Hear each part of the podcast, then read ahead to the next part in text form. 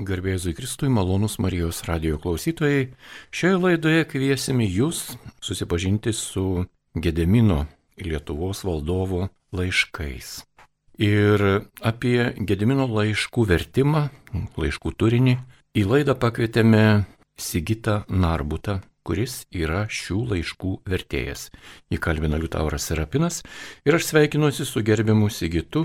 Labadiena, garbėjai Jėzui Kristui, malonu, kad atvykot. Labadiena, per amžius amen. Taigi, kodėl 14 šimtmetyje Vilniuje didžiojo kunigaikščio Gedemino vertėjui ir raštininkams padiktuoti iki mūsų dienų nuorošuose išlikę laiškai šiandien yra verti mūsų dėmesio ir kiek tų laiškų buvo? Na, šitie laiškai e, mus pasiekia per 700 metų. E, mums yra e, labai svarbus dėl daugelio priežasčių.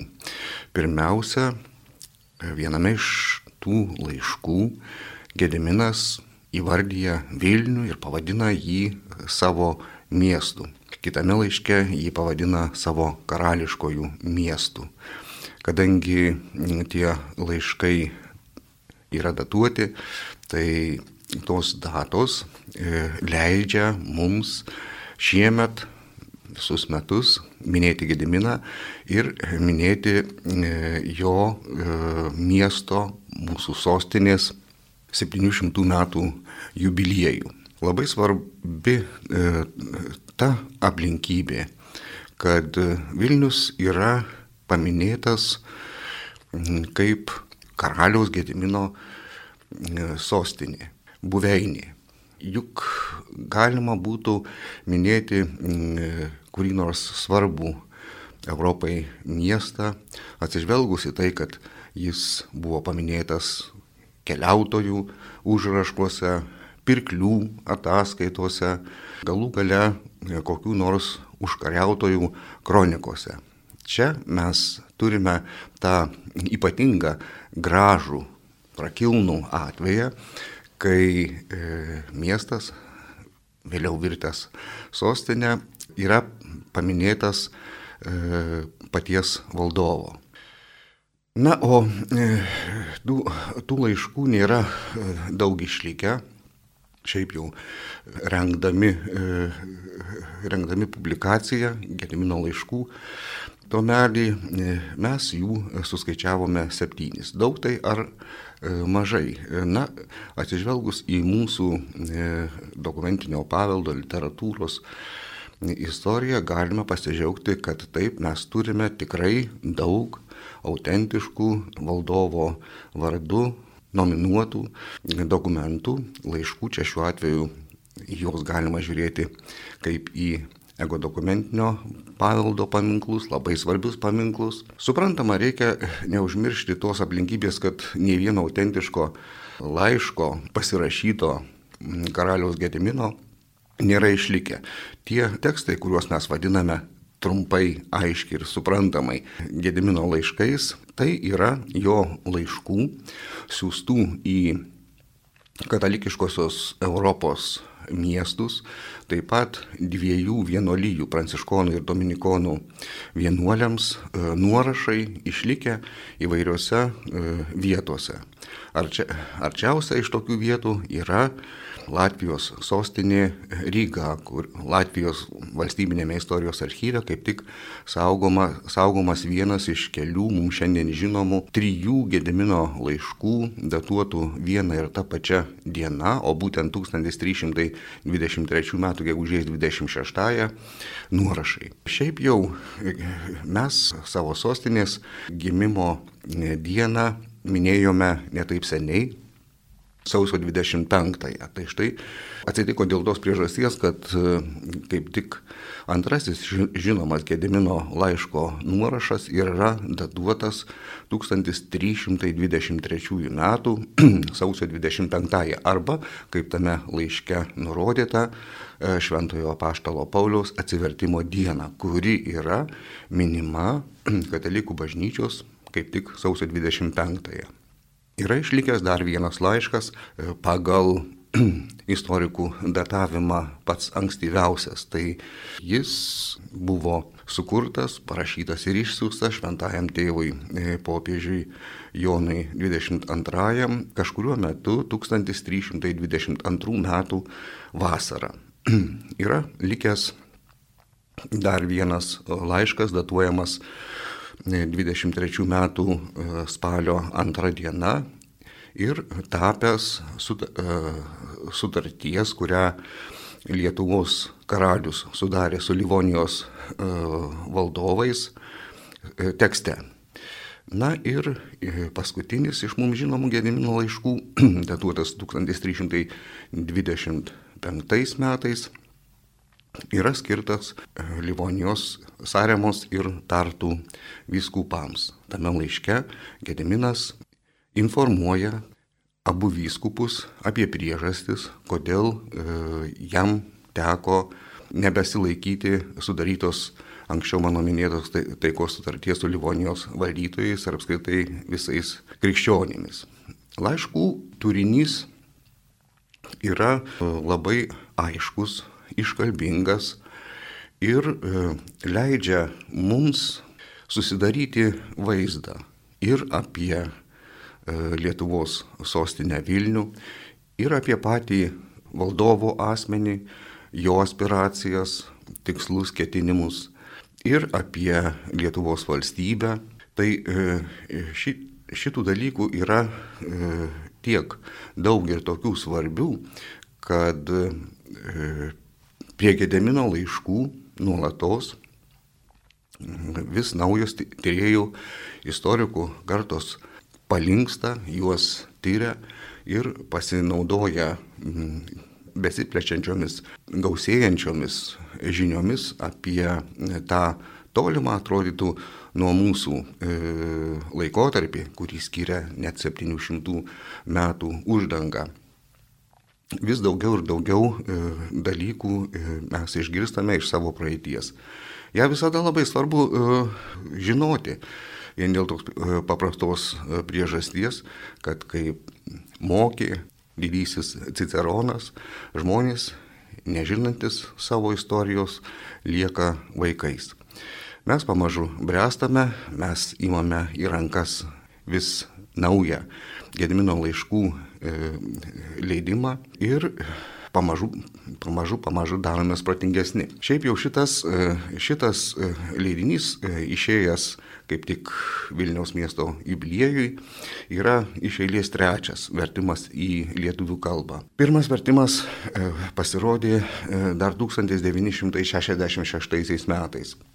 Baltarusių istorikas e, Vladimiras Pašuta iš įvairių šaltinių surankiojas Gedemino laiškų tekstus savų metų išleistus vokiečių istorikų ir publikuotus įvairiuose leidiniuose, parengė e, ir e, kartu su dviem vertėjais, kurie tos laiškus išvertė į lietuvių ir rusų kalbas, e, publikavo tą pirmąją laidą.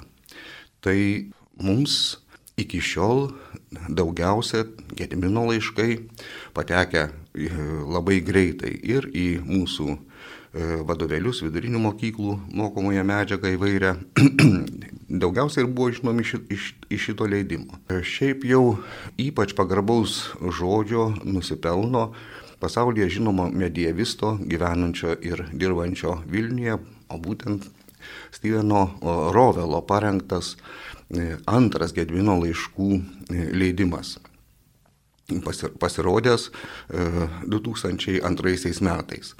Tai šitame, šitam leidimui garbusis istorikas nebe iš perspaudų, nebe iš knygų, o iš autentiškų viduramžių dokumentų parengė atnaujindamas, patikslindamas, papildydamas Gedimino laiškus.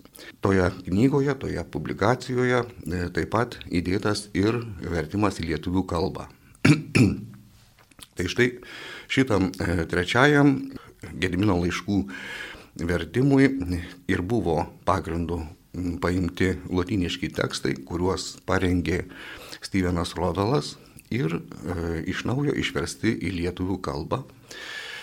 Šitą knygą labai demokratiškų pavydalų išleido Lietuvų literatūros ir tautosakos instituto darbuotojai ir spėjau tą padaryti kaip tik iki šių metų sausio 25 dienos, minint Vilniaus 700 metų jubiliejų, laiškai e, tiek originalo lotynų, tiek vertimo lietuvių kalbomis e, buvo skaitomi Nacionalinėme muziejuje Lietuvos didžiosios kunigaikštijos valdovų rūmose.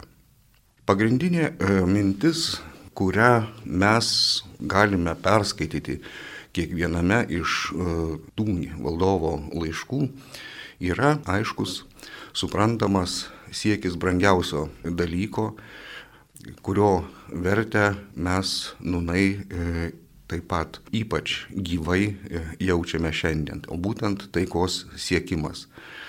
Siekdamas taikos su krikščionių pasauliu, Gediminas ir informuoja savo korespondentus, asmenys, kuriems jis savo laiškus skiria, kad štai jis e, kreipėsi į šventąjį tėvą, popiežių ir paprašė, kad būtų pakrikštytas, kaip viename laiške e, gražiai pa, parašyta, pasiprašė būti apvelkamas pirmoji teisuolių rūbų. Gediminas taip pat informuoja Europos skaitytojus e, apie tai, kad e, jis popiežiaus atsakymą jau žino ir e, su dideliu nekantrumu laukia atvykstant į Lietuvą jo legatų, kurie ir e, turėtų e, jam suteikti krikštą. Kituose laiškuose, skirtuose Hanzos miestams, Gediminas kviečia į Lietuvą atvykti e, visus tuos asmenys, kurių, kaip dabar pasakytume, e, technologinės žinios ir gebėjimai buvo labai reikalingi anų laikų senajai e, Lietuvai. Jis išvardyja įvairius gausius amatininkus, nurodo, kad labai lauktų Lietuvoje riterių ir jų vasalų, pasižada, kad kiekvieną pagal jo luomą jis apdovanosias taip, kad žmonės pas jį atvykę nesigailėtų.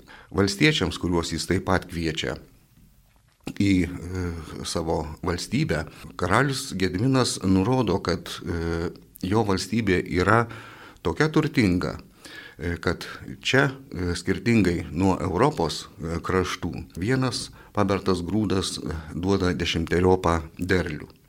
Gediminas taip pat kviečia ne tik amatininkus, ne tik karius ir jų tarnus, bet jis taip pat kviečia ir dviejų vienuolyjų, mano jau minėtų e, pranciškonų ir domininkonų vienuolius ir jų vadovus, priorus, vyskupus, kunigus. Mat, jis kaip e, žmogus, kuris kaip valdovas, kuris tuoj e, priims katalikų tikėjimą, nori garantuoti, kad e, jo valstybėje visi galėtų garbinti viešpati Dievą pagal, kiekvienas pagal savo apėgas. Ir tą jis pabrėžia ko ne kiekviename laiške. Šiaip jau krinta į akis, kad Gediminas pats save pristato Europos skaitytojams, tiems žmonėms, kuriems pateks rankas e, jo e, laiškai kaip teisingas, doras valdovas, kuris rūpinasi ir savo valstybės ateitimi, ir rūpinasi savo pavaldiniais. Toks pozicionavimas turėjo padaryti įspūdį tiems asmenims, kurie, e, sakysime, apie Lietuvą iki Gedimino laiškų daugiausia žinių gaudavo iš Gedimino priešininkų, o būtent e, kryžiuočių ordino ir kryžiuočių e, ordino vyresnybės. Nes šiaip jau Gediminas e, keliuose laiškuose, pirmajame iš mano minėtų skirtame popiežiui Jonui 22-ame, taip pat kituose vėlesniuose e, nurodo, kad e, iki šiol Lietuvos valdovams e, tenka atremti priešų kryžiuočių agresiją. Ir tai, kad ir pats valdovas, ir jo e, pavaldiniai iki šiol, e, kaip jis e, sako, laikosi, laikosi, laikosi klaidingo senameldžių lietuvių tikėjimo, yra ne jų užsispyrimo bėda, o vien kryžiuočių daromos piktadarystės, nes jis kaip valdovas privalo ginti savo valdinius ir privalo ginti savo valstybę o kryžiuočiai e, įvairiomis pasitaikiusiomis progomis jam bando sutrukdyti e, be visų kitų dalykų, e, ne tik stiprinti savo valstybę, ne tik turtinti savo pavaldinius, bet taip pat ir platinti katalikų tikėjimą Lietuvoje, pagoniškoje Lietuvoje. Ir ne viename laiške Gediminas atvirai rašo apie tai, kad jis pasiruošęs katalikų tikėjimą e, Lietuvoje dėkti ir platinti visomis jam prieinamomis e, priemonėmis.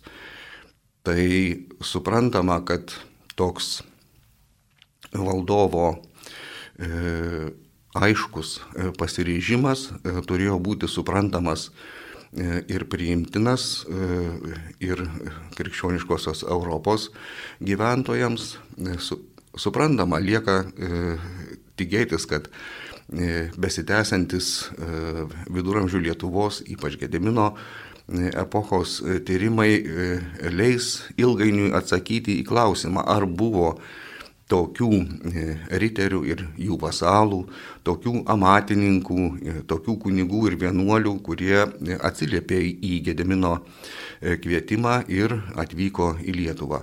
E, to mes dar gerai nežinome, apie, apie tai galime tik tai e, spėlioti.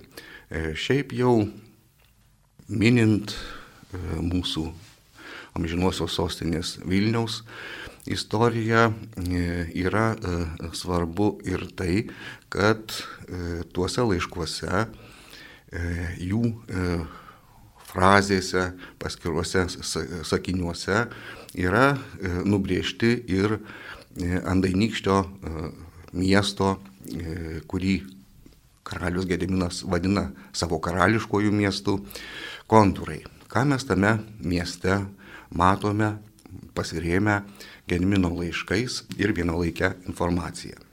Matome, aišku, pirmiausia, Gedimino pilį ir jo rūmus. Iš jų e, Gediminas e, siunčia savo laiškus į Europą. Keliuose laiškuose Gediminas mini ir dvi bažnyčias. Viena pastatyta pranciškonams, kita domininkonams. Vadinasi, jos taip pat e, Vilniuje buvo. Ko reikia, kad būtų miestas? Reikia tam tikro gatvių tinklo, reikia ir kitų statinių.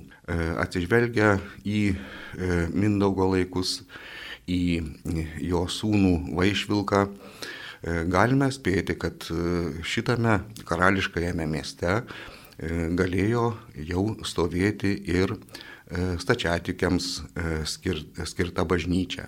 Turėjo būti bent jau vienas, o gal ir daugiau turgų. Vilniun vyko įvairūs prekybininkai ir iš rytų, ir iš vakarų.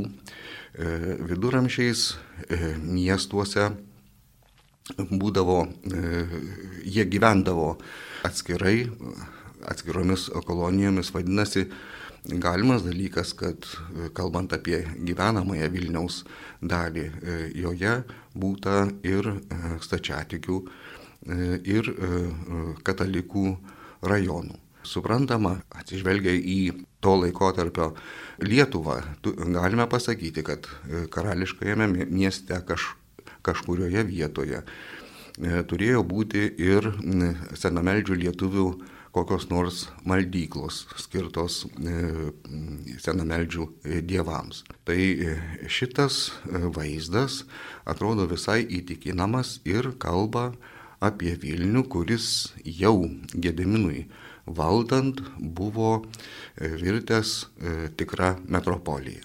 Tai labai šviesiai nuteikia mus, kurie bandome per 700 metų uždangą išvelgti ir pamatyti, kiek galima daugiau. Ir Vilniaus, ir Lietuvos, ir viso kito. Malonus Marijos radio klausytojai, jūs girdite laidą, kurioje apie Gedemino laiškų vertimą pasakoja vertėjas Sigitas Narbutas. Na ir tęsėme laidą. Norime jūsų dar gerbiamas Sigitai paklausti, jums verčiant laiškus, kokie iššūkiai buvo kokias įdomybės teko patirti verčiant Gedemino laiškus ir kokią žinę šių laikų žmogui jie galėtų dar duoti aktualiai laiškų turinys ir tai, kas juose buvo dėstoma. Na, Gedemino laiškų kalba tai yra viduramžių lotynų kalba. Bet tiek pasakius, e, tiek pasakius apie tą e, kalbą, e, nieku būdu neatskleisi daugybės jos niuansų. Šiaip mes turime reikalo ne su grožinės literatūros kalba, lotynų kalba viduramžiais buvo naudota, e, buvo rašomos ir eilės, ir, sakysime, mūsų garbėsiems klausytojams yra žinomi, sakysim, magantų poezijos kūriniai, buvo rašomi ir prozos kūriniai, Čia galima paminėti e, riterių romanus. Buvo e, ladinų kalba viešpatavo visur, taip, taip pat ir valdovų, tiek e, bažnyčios kunigaikščių, tiek pasaulietinių valdovų rūmose, vartojama diplomatijai, medicinai, na, visur, visur, visur. Tai kiekviena tos viduramžių ladinų kalbos sfera pasižymi savais ypatumais. Laimė tiek antikinė lotynų kalba, tiek viduramžių lotynų kalba yra pakankamai gerai ištirtos, esama e, ir specialiai kiekvienai iš epochų, šitų epochų kalbos atmanai parašytų vadovėlių esama e, nuo pat Renesanso laikų yra leidžiami, pildomi specialūs kalbos aiškinamieji žodynai, tai verčiant Gedimino laiškus buvo kuo e, pasiremti. E, šiaip jau, jei imtume ir skaitytume e, Gedimino bendra amžių valdovų korespondenciją, joje mes kai ko turbūt ir nerastume. Tai vad šitie dalykai kaip tik ir jaudino, verčiant autentiškus Gedimino laiškus. Jis kaip e, matyt temperamentingas, savo e, vertę e, žinantis valdovas, kalbėjęs lietuviškai ir kalbėjęs ne kanceliarinę, o gyvą kalbą, ima kartais ir pasako kokią nors frazę, kurią jam jo laiškus vertę ir užrašę vienuoliai irgi ir imdavo ir palikdavo tuose laiškuose. E, štai, pavyzdžiui, kviesdamas į Lietuvą atvykti krikščioniškosios Europos amatininkus, kunigus e, ir, ir vienuolius ir nurodydamas, kad jis jau yra kreipęsis į e, popiežių ir paprašęs jį pakrikštyti, pabaigoje dar sutvirtina savo dėstymą tokių gyvų tarsi iš gyvosios kalbos ateinančių, suskambančių e, sakinių.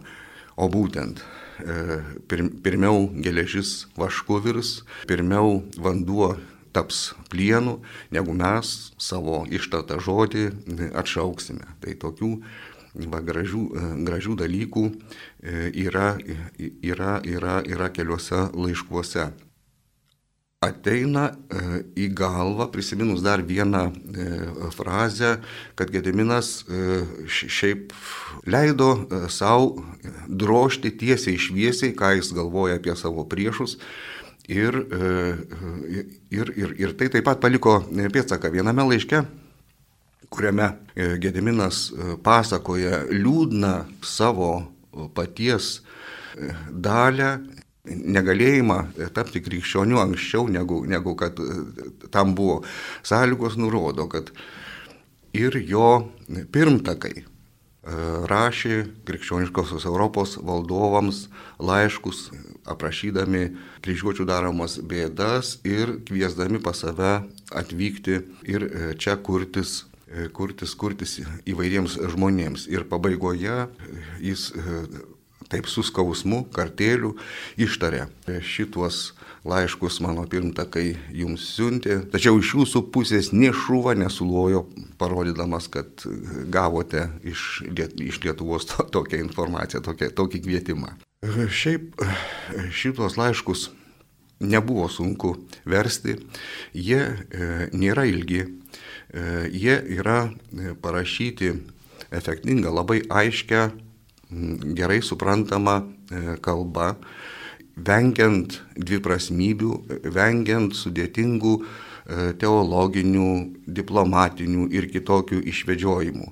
Taip kad džiaugiuosi, kad e, ir trečią kartą išėjo šitas leidinys Gedmino laiškais vadinamas ir kad bent jau Vilniaus miesto savivaldybė e, nemažą tiražo dalį nupirkusi išsiuntinėjo dar iki Vilniaus 700-ojo gimtadienio e, po Vilniaus mokyklas, kad mokiniai bent jau tą dieną su savo mokytojais galėtų labiau patikusias kokias nors e, dalis ir paskaityti.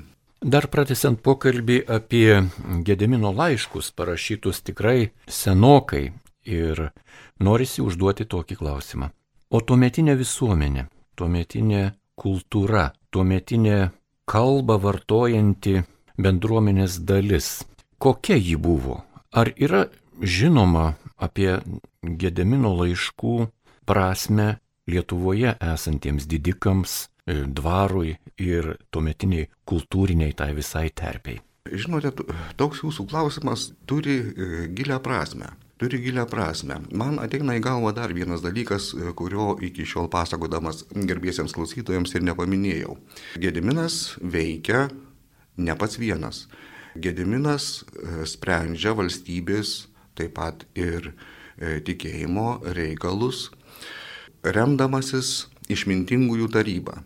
Ir visais keblesniais klausimais, netgi laiškuose, nurodo, kad jis veikia priima sprendimus, apie kuriuos rašo laiškuose, e, pasitaręs, atsiklausęs išmintingųjų tarybos nuomonės. Kokie tai buvo asmenys. E, tai buvo ne tik senameldžiai lietuviai, reikia matyti, iš Gedmino laiškų mes žinome, kad į karaliaus tarybą arba išmintingųjų tarybą, kaip jį laiškose vadinasi, įėjo taip pat ir e, išsilavinę broliai iš Dominikonų ir Pranciškonų vienolyjų. E, vadinasi, visas taip, e, galima sakyti, galima spėti, kad ir e, Gedimino dvare, turint galvoje e, jį patį, jo šeimą, šeimos narius, e, ir e, jo patarėjus, daugiau apie juos beje mes ir nežinome, e, turė, turėjo atsispindėti ir e, andainykštės visuomenės sudėtis. Būta ir senameldžių lietuvių, būta ir kelių pakraipų krikščionių, kurie galėjo Gediminą informuoti ir padėti jam suprasti, e, kuo gyvena Europa, kaip ten tvarkomasi, kas ten yra svarbiausia, į ką reikia kreipti dėmesį, į ką reikia kreiptis, ieškant paramos negalestingoje kovoje prieš kryžiuočius. Ar galima būtų jūsų paklausti, ar išversti Gedemino laiškai gali turėti kokią nors įtaką dabartiniai Lietuvos kultūrai, politiniai kultūrai, bendravimo kultūrai, dabartiniams miesto valdytojams, vadovams ir taip toliau. Lieka tikėtis, e, lieka tikėtis, kad jie e, bus, ar šita publikacija, ar kuri nors iš ankstesniųjų, e, pateks į rankas ir tiems aukštiems pareigūnams, nuo kurių priklauso įvairiose srityse Lietuvos likimas.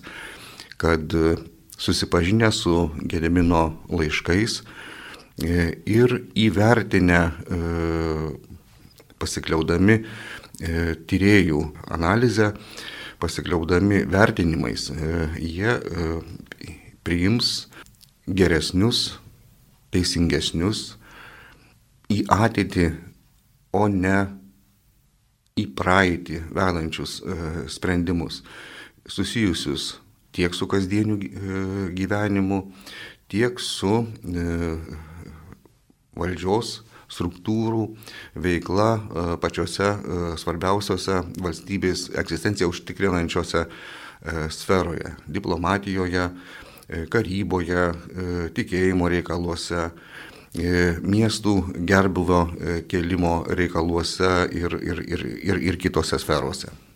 Na ir visai pabaigai, gerbiamas Sigitai, jums asmeniškai ką reiškia šie laiškai, kuriuos jūs išvertėte iš senosios lotynų kalbos į dabartinę lietuvių kalbą?